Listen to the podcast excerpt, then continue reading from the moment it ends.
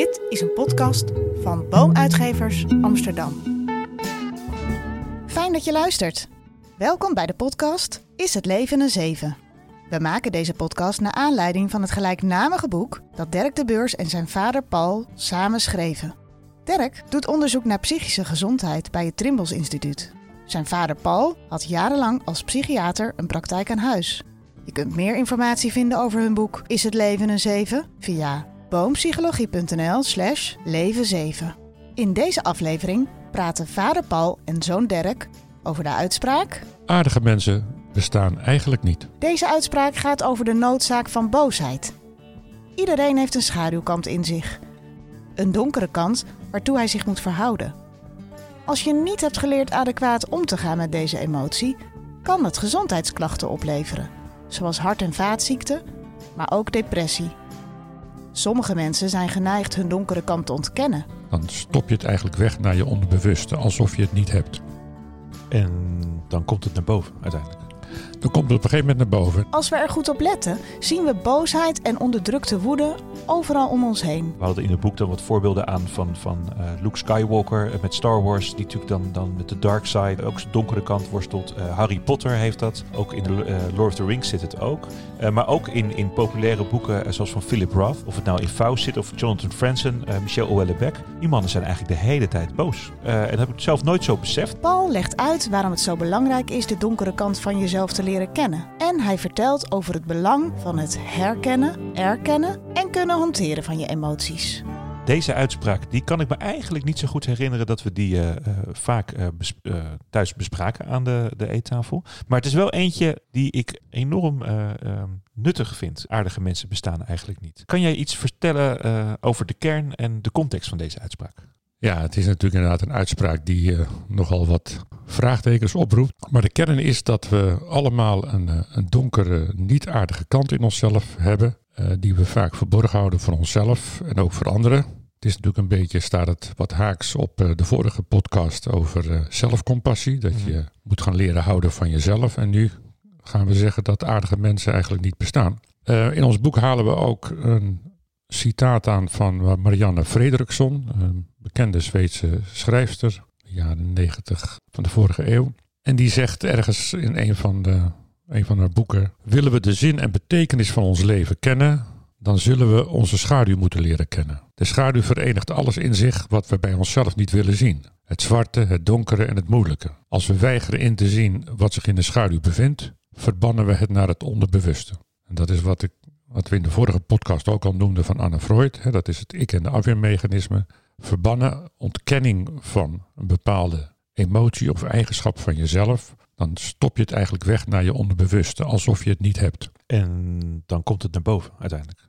Dan komt het op een gegeven moment naar boven. En met name in de casus die we bespreken, dat gaat het over, uh, over Johan, een dierenarts. Die afkomstig is uit een uh, gezin met een hele dominante, agressieve vader en een hele aardige, toegevende moeder die uh, zichzelf heeft voorgenomen om met name nooit op zijn vader te willen lijken. Ja. En nou, alleen maar zijn best doet, aardig probeert te zijn voor zijn, uh, voor zijn patiënten, voor de cliënten, voor vrienden, voor zijn vrouw. nou, hij heeft nogal een wat oudere vrouw die ook helpt in de praktijk en nogal dominant is en die geen kinderen wil. En hij meldt zich aan via de huisarts met depressieve klachten. En dan zie je dat bleek in, in de behandeling dat hij zijn eigen, laat ik zeggen, schaduwkant, zo'n onaardige kant, die we allemaal hebben, verbannen had naar zijn onderbewuste. En nou, kost echt uh, behoorlijk wat tijd in de behandeling om toe te laten dat hij ook minder aardige en gezond egocentrische gedachten heeft. En ook boosheid kende. En nou, dat bleek later in de behandeling ook richting zijn vrouw. Uiteindelijk, misschien wel een trieste afloop, maar een noodzakelijke afloop in deze casus is hij gescheiden van zijn vrouw. En, en um, had je dit gelijk vanaf het begin door? Kwam die man binnen en dacht je, dat is onderdrukte boosheid? Of is dat iets wat je samen achterkwam? Want hoe, hoe, hoe merk je dit nou bij iemand? Ja, nee, dat, dat, dat heb je niet in het begin in de gaten. Dat, dat is Nee. toch iets wat je, nadat je nou, een vertrouwensband hebt opgebouwd, probeer je het alle domeinen van de emoties, hè, de, de vijf B's zeggen ze wel, de emotie boos, blij, bedroefd, bedeesd, eh, probeer je na te gaan. eh, hoe gaat iemand, hoe zit, hoe zit iemand in, in zijn emotionele huishouding? En nou, nou ja, toch vrij, vrij snel wel op een gegeven moment kreeg ik het gevoel dat deze depressie te maken had, wat we kennen, naar binnengekeerde woede, naar, binnengekeerde boosheid. Dat is een theorie die niet altijd, hè, bij biologische depressie speelt het echt niet. Dat zijn gewoon depressies die zomaar kunnen ontstaan van de een op de andere dag. En een hele endogene, hele erfelijke component kennen. Maar er zijn depressies, daarom is er een enorm containerbegrip. Die ontstaan door mensen niet een boosheid toe kunnen laten. En dan slaat het als het ware naar binnen toe. Dan word je boos op jezelf. Zelfverloochening, zelfontkenning. En dan is depressie de binnengekeerde woede. En toch zie je dit niet, als ik van mijn studie denk, alle, alle cognitieve gedragstherapie-modellen, zit die boosheid niet expliciet in die, in die modellen. Uh, heb je daar een verklaring voor waarom die boosheid toch niet zo uh, een kern is van iets van, van een depressie? Ja, de gedragstherapie is natuurlijk een reactie eigenlijk op de analytische theorieën, waar natuurlijk heel veel ging over emoties en nou, van Freud de libido en de agressiedrift. En op een gegeven moment zag men wel dat die langdurige behandelingen niet snel resultaat opleverden. En toen heeft men gedacht, ja, laten we maar stoppen met dat hele brein. Dat zien we als een black box. Dat is veel te ingewikkeld. Laten we maar kijken wat er gedrag doet. Als we het gedrag kunnen leren modificeren, dan hebben we al veel winst. En zo is die gedragstherapie eigenlijk begonnen. Later is dat de cognitieve gedragstherapie. Dan kwamen dus wel de, de cognities bij, de kennende functies en de, de persoonlijkheid. Maar laat ik zeggen, het, de, de agressiedrift was toch echt iets van de analytische wereld die, ja. uh, die tijdlang nou ja, laat ik zeggen, niet zo meer naar voren is gekomen. Ja, ik vind het wel heel fascinerend. In het begin dacht ik ook, wat moeten we nou met deze uitspraak? Maar toen ik er wat langer over nadacht, dacht ik, het zit eigenlijk uh, uh, ook heel erg in de cultuur. Als je dus, uh, we hadden in het boek dan wat voorbeelden aan van, van Luke Skywalker met Star Wars, die natuurlijk dan, dan met de dark side ook zijn donkere kant worstelt. Harry Potter heeft dat. Ehm, ja. Um, ook in de uh, Lord of the Rings zit het ook. Uh, maar ook in, in populaire boeken uh, zoals van Philip Roth. Of het nou in Faust zit of Jonathan Franzen, Michel Houellebecq. Die mannen zijn eigenlijk de hele tijd boos. en dat heb ik zelf nooit zo beseft. En dat is ook nooit iets wat, wat heel erg expliciet besproken wordt. Maar er zit telkens een soort uh, onderdrukte woede in, in heel veel van die, uh, van die boeken. Dus het lijkt alsof het wel alsof het in de kunst wel uh, een plek heeft. Hè? Dat, dat, dat misschien kunst ook een manier is om die woede dan vorm te geven. Misschien een wat meer geaccepteerde manier. Maar dus in die therapieën of in, in de moderne onderzoeken zie je dus woede niet zo, zo terugkomen. Nee, um, nou ja, als je kijkt naar, naar geloven, dan hebben ze extreem ook de God en duivel uit elkaar gesplitst. Ja, ja. Dan hebben we de duivel eigenlijk uit het menselijk brein verbannen. Die is geëxternaliseerd, om maar zo te noemen. Hoewel in sommige orthodoxe geloven is de duivel juist weer helemaal geïntroduceerd in mensen. En dan is de mens alleen maar tot het kwade geneigd. Hè? Dat, dat is natuurlijk een bepaalde orthodoxe kringen. Is een mens eigenlijk, uh, nou, deugt helemaal niet, om maar zo te noemen. En is God geëxternaliseerd als de liefdevolle, begripvolle waar we nooit aan kunnen komen. Nou, ik denk dat ons mens zijn uh, allebei in zich draagt. En daar heeft Freud gelijk in gehad. De liefde, de libido, uh, als, als, als God te noemen. En uh, de agressiedrift, de doodsdrift, als de duivel om maar zo is te noemen. Ja, het is ook een andere boodschap dan uh, in de NS Publieksprijswinnaar van uh, Rutger uh, Bregman, die dus het, het, boek De meeste mensen deugen, juist een pleidooi eigenlijk houden dat we vooral een goede inborst hebben en enorm gericht zijn op, op coöperatie. En dat eigenlijk dus het, het benadrukken van onze donkere kant vooral iets is van machthebbers om ons te onderdrukken. En dat wij daarom maar aangeven dat het goed is dat we een regering hebben die ons een beetje bij de, bij de lees houden. Maar eigenlijk zeggen wij hier dus nu van de meeste mensen deugen wel, maar hebben ook een boosheid in zich. Ja, ja, dat is het inderdaad. Want het goede vind ik van het boek van Brechtman is dat um, hij probeert naar de mensen te kijken met het, het, glas is half vol. Ja. En ik denk dat dat de goede manier van kijken is. Uh, je kan natuurlijk naar de negatieve kijken. Het glas is half leeg. Dat is de negatieve kant van mensen. Maar zijn positivisme, daar ben ik helemaal voor. Je moet toch, uh, en dat is ook zo, de mensheid kan alleen iets bereiken. We hebben alleen maar dingen bereikt doordat we samen de positieve kant hebben genomen van elkaar. Maar wil je een compleet mens je voelen, dan zal je ook je onaardige kant, die schaduwkant waar Marianne Fredriksson over spreekt, die zal je moeten leren kennen. Want anders, nou ja, nogmaals, dan ontken je dat en dan verdring je dat. Wil je meer weten over Is het leven een zeven? Of het boek van Dirk en Paul bestellen? Voor jezelf, een vriend, je vader of je zoon? Ga dan naar boompsychologie.nl slash leven 7. En, en wat zijn dan concrete... Hoe, hoe begin je daarbij? Hoe, hoe kom je nou in contact met je boosheid? Zit er ook een mindfulness cursus achter... waardoor je dus gedachten anders accepteert? Of wat waren dan tips die je aan patiënten kon geven? Hoe, hoe heb je dat met Johan aangepakt? Nou ja, ik, zei, ik heb heel vaak gezegd tegen mensen, aardige mensen die bestaan niet. En dan keken Ja. ze me aan en dachten ze, nou, het lijkt een aardige man. En toch, toch zegt hij dat. Dus het zal ook wel iets over hemzelf zeggen. Om maar Ja. in ieder geval. ehm, dus ik heb bij Johan dat, dat echt voortdurend situaties moeten bespreken. Waarin hij natuurlijk wel boos was op klanten of, op, eh, op mensen die met hun dieren kwamen. Of op, eh, op een vriend die eh, afspraken nooit nakwam. Of een situatie in de thuissituatie. Dus langzamerhand bespreken situaties waarin, laat ik zeggen, die verdrongen emotie, dat die afweer, dat, dat ontkennen, dat je dat minder wordt. En dat je het ook gewoon bespreekt. Zeg je, volgens mij druk je nu een bepaalde emotie. Hè, en het mooiste is als dat op dat moment kan. Hè, dat, dat die boos op mij is, bij wijze van spreken. Dat je zegt, volgens mij vind je dit geen prettige opmerking. Mhm. Wat voel Ja. je nu? Ja. Dus om in contact te komen met die, met die boosheid. En dat is cruciaal voor, eh, en vooral de boosheid die je voelt ten opzichte van anderen. An- Nogmaals, anders voel je dat ten opzichte van jezelf. Ja. En dan is het gevaar dat je depressief, depressief wordt. Ja. En de ultieme, nou daar heb jij even onderzoek naar gedaan. De ultieme agressie naar jezelf is natuurlijk de suïcide. Ja. Wat soms ook, hè, dat weet je ook, een, een uiting is van de onmacht om boos te worden op de buitenwereld. Hè. Iemand die ontslagen wordt, volkomen onterecht. En die onmacht en die frustratie niet kwijt kan naar die buitenwereld. Want die baas heeft hem buiten gezet en dan moest alles inleveren. En dan slaat die boosheid naar binnen en dan, nou ja, dan is die agressie zo groot. Dan neem je eigenlijk wraak op de buitenwereld door zelf uit het leven te stappen. Je ziet het ook na scheidingen. Eh, zie je dat sommige mensen eh, nou, suïcide plegen als een soort woede naar wat hem is aangedaan. En tegelijkertijd de onmacht om juist met die, die, die frustratie en die teleurstelling en die diepe emotie om te kunnen gaan. Ja, je zoekt dan eigenlijk, het zoekt een, uit, eh, een uitingsplek. En die kan natuurlijk dat eh, op verschillende manieren waarschijnlijk kanaliseren. Maar het is natuurlijk de uitdaging om dat dan op een goede manier te doen. Maar hoe ver is dat, is dat nou echt daadwerkelijk aan te passen? Dus hoe ver is nou echt gedrag hoe ver is het ook een soort aanleg? Dus het, eh, Donald Duck, die leert nooit bijvoorbeeld. Die blijft, op welke therapie die ook heeft, die blijft driftig op alles wat hij tegenkomt. Dus, dus hoe succesvol kan je hier wat aan doen? Nou, Donald is een geweldig voorbeeld dat die man die zal niet gauw depressief worden, want die wordt zo snel boos naar buiten toe.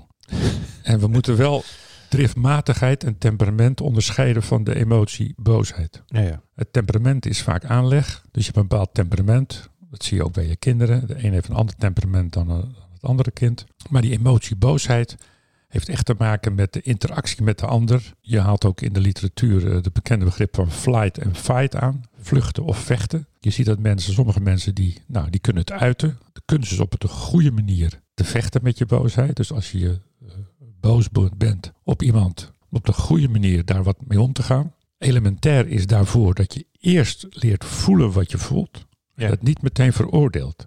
Want we hebben natuurlijk vaak door de opvoeding, leer je kinderen natuurlijk af om boosheid te mogen voelen. Als je dat te veel doet, dan leren ze de, dat, het taboe op, de, op de, het basale begrip, op de basale emotie, boosheid, leren ze dan Ja.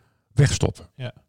Dat was bij Johan gebeurd. Die werd zo angstig van de agressie van zijn vader. En die nou, leerde eigenlijk van zijn moeder om toe te geven en niet zelf boos te worden. Dus zijn hele eigen boosheid vanuit zijn vroege jeugd heeft hij leren onderdrukken en verbannen. Het andere gevaar is flight, dat je vlucht voor de boosheid. Het kan zijn in een negatieve zin dat het naar binnen slaat, maar ook dat je heel veel ziet naar alcohol en drugs. Ja. Dat mensen hun frustraties, hun teleurstellingen, hun woede, hun onmacht niet kunnen uiten en dat wegdrinken. Het macabre is dan dat juist door de remming die alcohol geeft van de frontaalkwap, zie je dat het basale brein, waar we in de tweede podcast over hebben gehad, met die amygdala, zie je dat die dan bovenhand krijgt. Dus de meeste ruzies, de meeste agressies ontstaan onder invloed van alcohol. Ja. Als je dat uitvraagt, eh, de ruzies tussen echtparen, dat gebeurt heel veel onder invloed van alcohol. Ja, veel suicides ook. Dus dat is natuurlijk een enorme ehm, ingewikkelde rol die we eh, altijd eh, met alcohol, een ingewikkelde relatie die we wat dat betreft met alcohol hebben. Ja. En die je dus juist nu dan gebruikt om die emoties een plek te geven, maar dan komen ze dus juist extra na- naar buiten. Dat is natuurlijk iets heel, iets heel geks. Maar het is wel interessant wat je net zegt, dat dat boos worden enorm taboe is. Als dan ministers of, eh, opeens boos ergens zijn, dan wordt dat breed uitgemeten in het nieuws. Hè? Dus dat wordt helemaal niet geaccepteerd, ook in het publieke de- debat niet. Als iemand opeens met zijn vuist op tafel slaat, dat is dan doorgaans dat je niet je emoties onder controle hebt. Dus wij hechten enorm aan om daarmee om te gaan. Nou, ik ben er erg voor hoor. Ik ben erg voor controle, maar niet op het, voor het ontkennen. Ja, Leiderschap, zeggen ze, is het hanteren van je emoties, niet het ontkennen ervan. Ik denk dat leiderschap heel Ja. eh, fout is om maar je emoties te laten gaan. Eh, Obama is natuurlijk een geweldig voorbeeld die nou, ten alle tijden, laat ik zeggen, eh, zijn emoties onder controle had in tegenstelling tot Trump. Het nare is als leiders hun eigen emoties, met name agressie, niet onder controle hebben, dan komt er angst in de organisatie. Ja, ja, ja. En dan oefenen ze wat je zei in het begin, dan is agressie een manier van machtuitoefening. Ja. Dus het kan zijn de binnengekeerde agressie als onmacht of agressie in de relatie met anderen als macht. En dan komt er gewoon eh, fear management by fear, krijg je dan. Dat mensen dus eh, de zaak onder de duim houden door onvoorspelbaar te zijn. Je weet niet wanneer iemand aardig is of agressief wordt. Ik moet zeggen, ik zit te kijken eh, naar de uitzending over dat gezin in Ruinerwold. ja. Waar die vader het gezin afgesloten had van de wereld. En nou, er zijn filmpjes dan te zien, om die tv-uitzendingen van die vader in dat gezin. En dan zie je die angst bij die kinderen, omdat die vader onvoorspelbaar met zijn agressie en zijn aardigheid omgaat. Dus die kinderen zijn voortdurend op hun hoede. En eh, nou,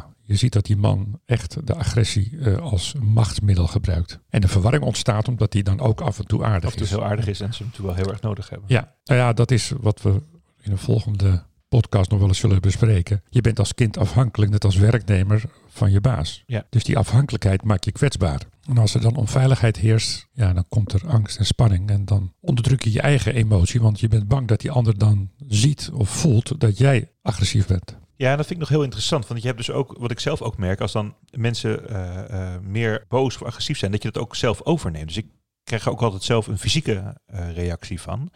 Eh, waardoor je het zelf ook doorgaans bozer wordt. Dus dat escaleert vrij snel. Nou ja, dat, dat is wel interessant dat je dat noemt. Dat in, de, in de vorige podcast noemden we dat eh, het fenomeen van overdracht en tegenoverdracht. Het, het leuke is altijd dat je in het contact met mensen iets voelt, hebben we gezegd. hè. Mhm. Je, je voelt of je van de ene krijg je energie, de andere mens kost je energie. En wat je ook voelt, is de agressie van iemand. En wat wij wel zeggen, die gaat in je buik zitten. Ja, ja.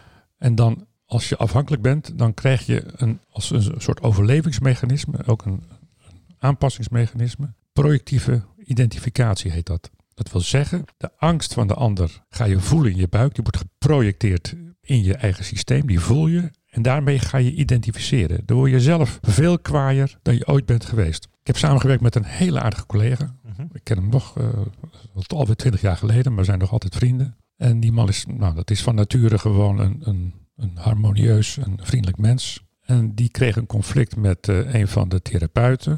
Dat was een behoorlijk dominante, agressieve persoon. En op een gegeven moment werd die, dus die aardige collega, zo ongelooflijk kwaad in de gang. Dat die herkende, die erkende, of herkende zichzelf helemaal niet. Dus die kwam verschrikt mijn kamer binnen. En Ja, nou, ik ben zo ontzettend kwaad. Ik, nou, dat jezelf niet meer herkennen is vaak dan een soort projectieve identificatie van de agressie van de ander die in jou gaat zitten. ja. Maakt het wel heel ingewikkeld. Want dat is natuurlijk... Ik heb idee dat... dat Excuus, dat is niet de bedoeling natuurlijk voor een Nee, voor deze podcast. Voor deze podcast moet het ingewikkeld worden. Nee, dit maakt niet de podcast niet ingewikkeld. Maar dit is, dit is een ingewikkelde... Ik heb altijd het idee dat sommige mensen daar gewoon ook... Dat, dat wat je zegt, inzetten als middel. En Ja. die zijn er dus zelf ook beter in om dat te verdragen. Dus die, die, die, die durven altijd verder te gaan dan jij in hun boosheid. Zodat je altijd maar ingeeft. Ja, ja dat zijn dus eh, eh, de mensen die wat minder empathie hebben voor het gevoel van die ander.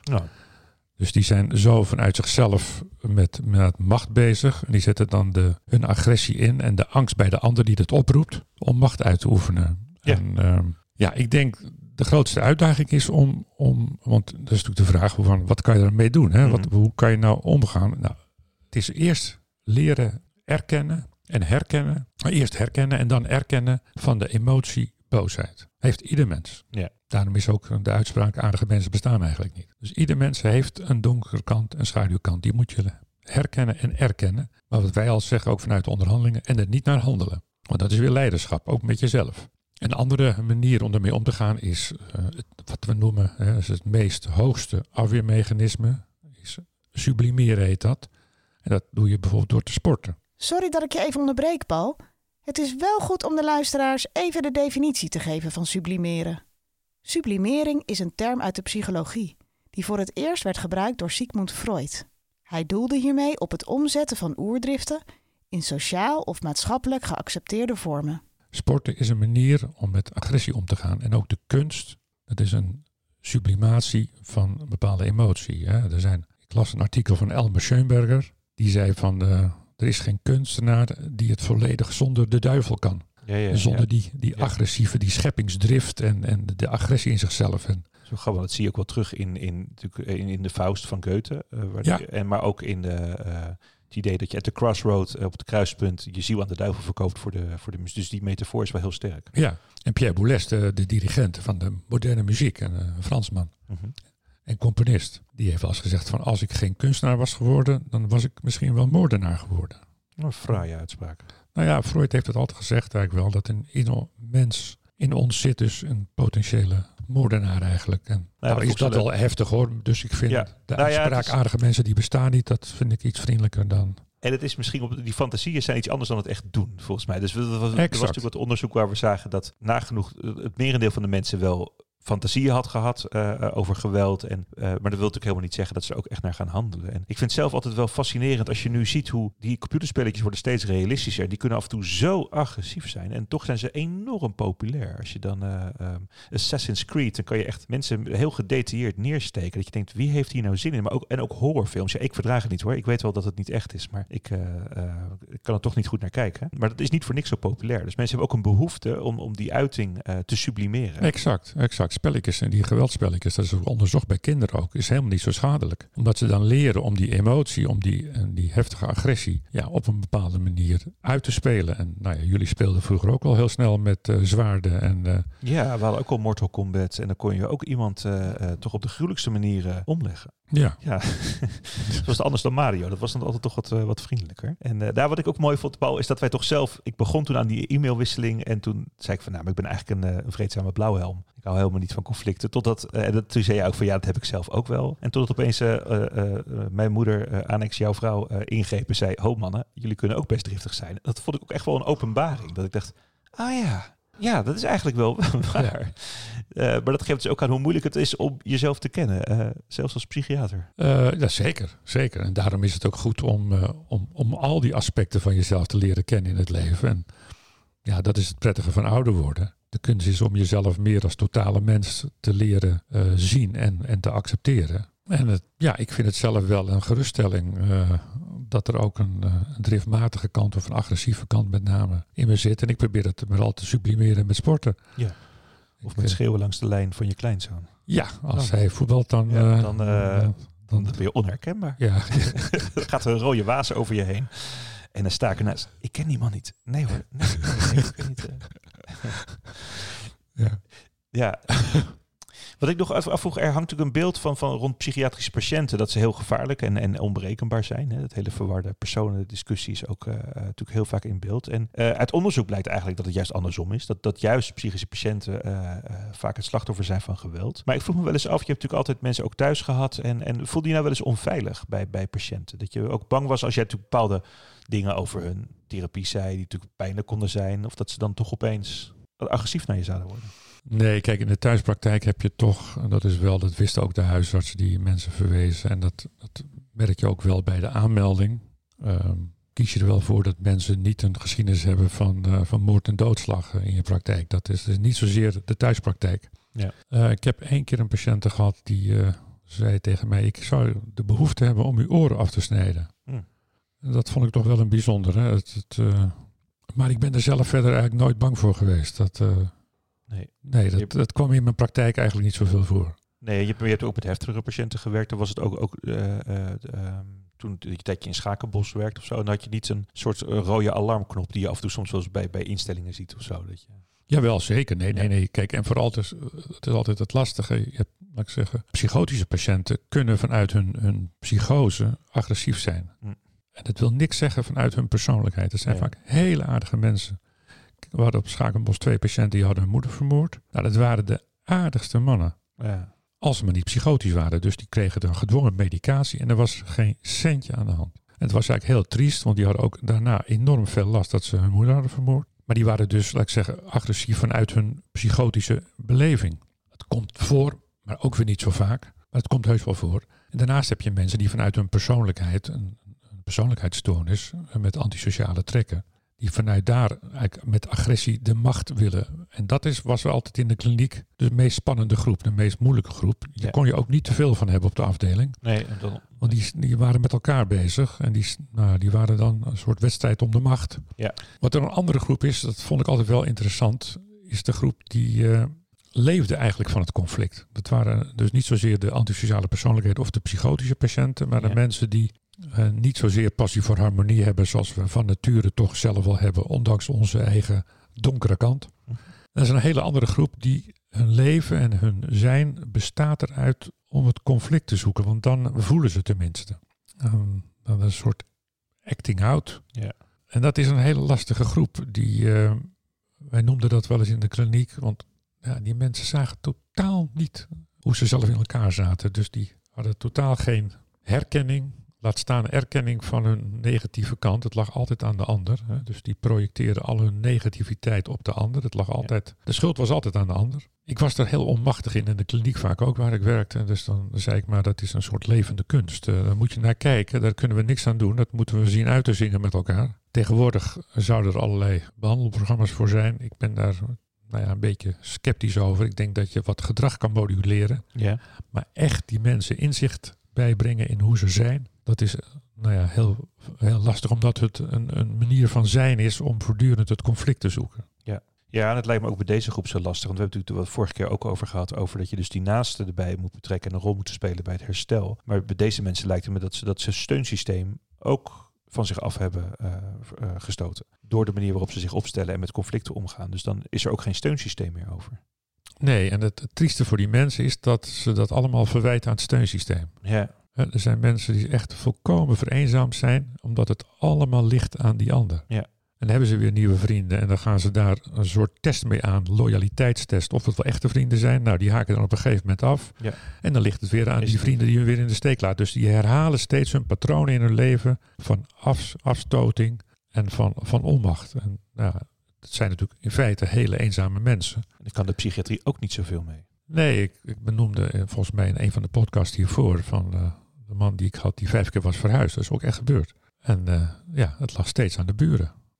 Dus alle, en dan was een intelligente man. En dan, dat, dat is altijd iets wat mij enorm verbaasde in mijn praktijk. Ik dacht, zie je dan niet zelf dat degene die toch de continue factor is, dat zijn niet de wisselende buren, maar dat ben je zelf. Je kreeg het er niet in. Nee. En dan was het soms gewoon de behandeling, nou ja, tot een goed einde zien te brengen. En nou, eigenlijk resultaat wezenlijk, behalve dat hij een tijd lang zijn verhaal kon doen vanuit zijn perspectief, eendimensionaal. Ja. Dat was het enige wat er dan op zat. En sommige huisartsen belden ook, zou je een tijdje die willen spreken, want ik kan er niet meer tegen. Ja, ja, zei, ja, nou, is prima, maar dan wist ik al dat het resultaat heel sumier zou zijn. Ja. Maar dat is op zich ook heel bedroevend ook. Het is ook zonde van... eh, maar goed, het heeft ook soms een functie. Ja, en je hebt natuurlijk niet, eh, eh, ook niet de illusie hebben dat eh, ehm, de psychiatrie alles kan en moet oplossen. Je kan natuurlijk gewoon al heel wat, maar eh, lang niet alle complexiteit oplossen. Helemaal niet zelfs. Dit was aflevering 5. Veel dank voor het luisteren. Vond je het leuk? Volg en like ons op Instagram. Het Leven 7. Vergeet niet je te abonneren in je favoriete podcast-app. Dan ben je direct op de hoogte als er een nieuwe aflevering online komt. Meer informatie vind je op boompsychologie.nl slash leven 7. In de volgende aflevering bespreken Dirk en Paul de uitspraak... Organisaties hebben geen geweten. Over werken met je hart, maar niet met je ziel. Tot dan!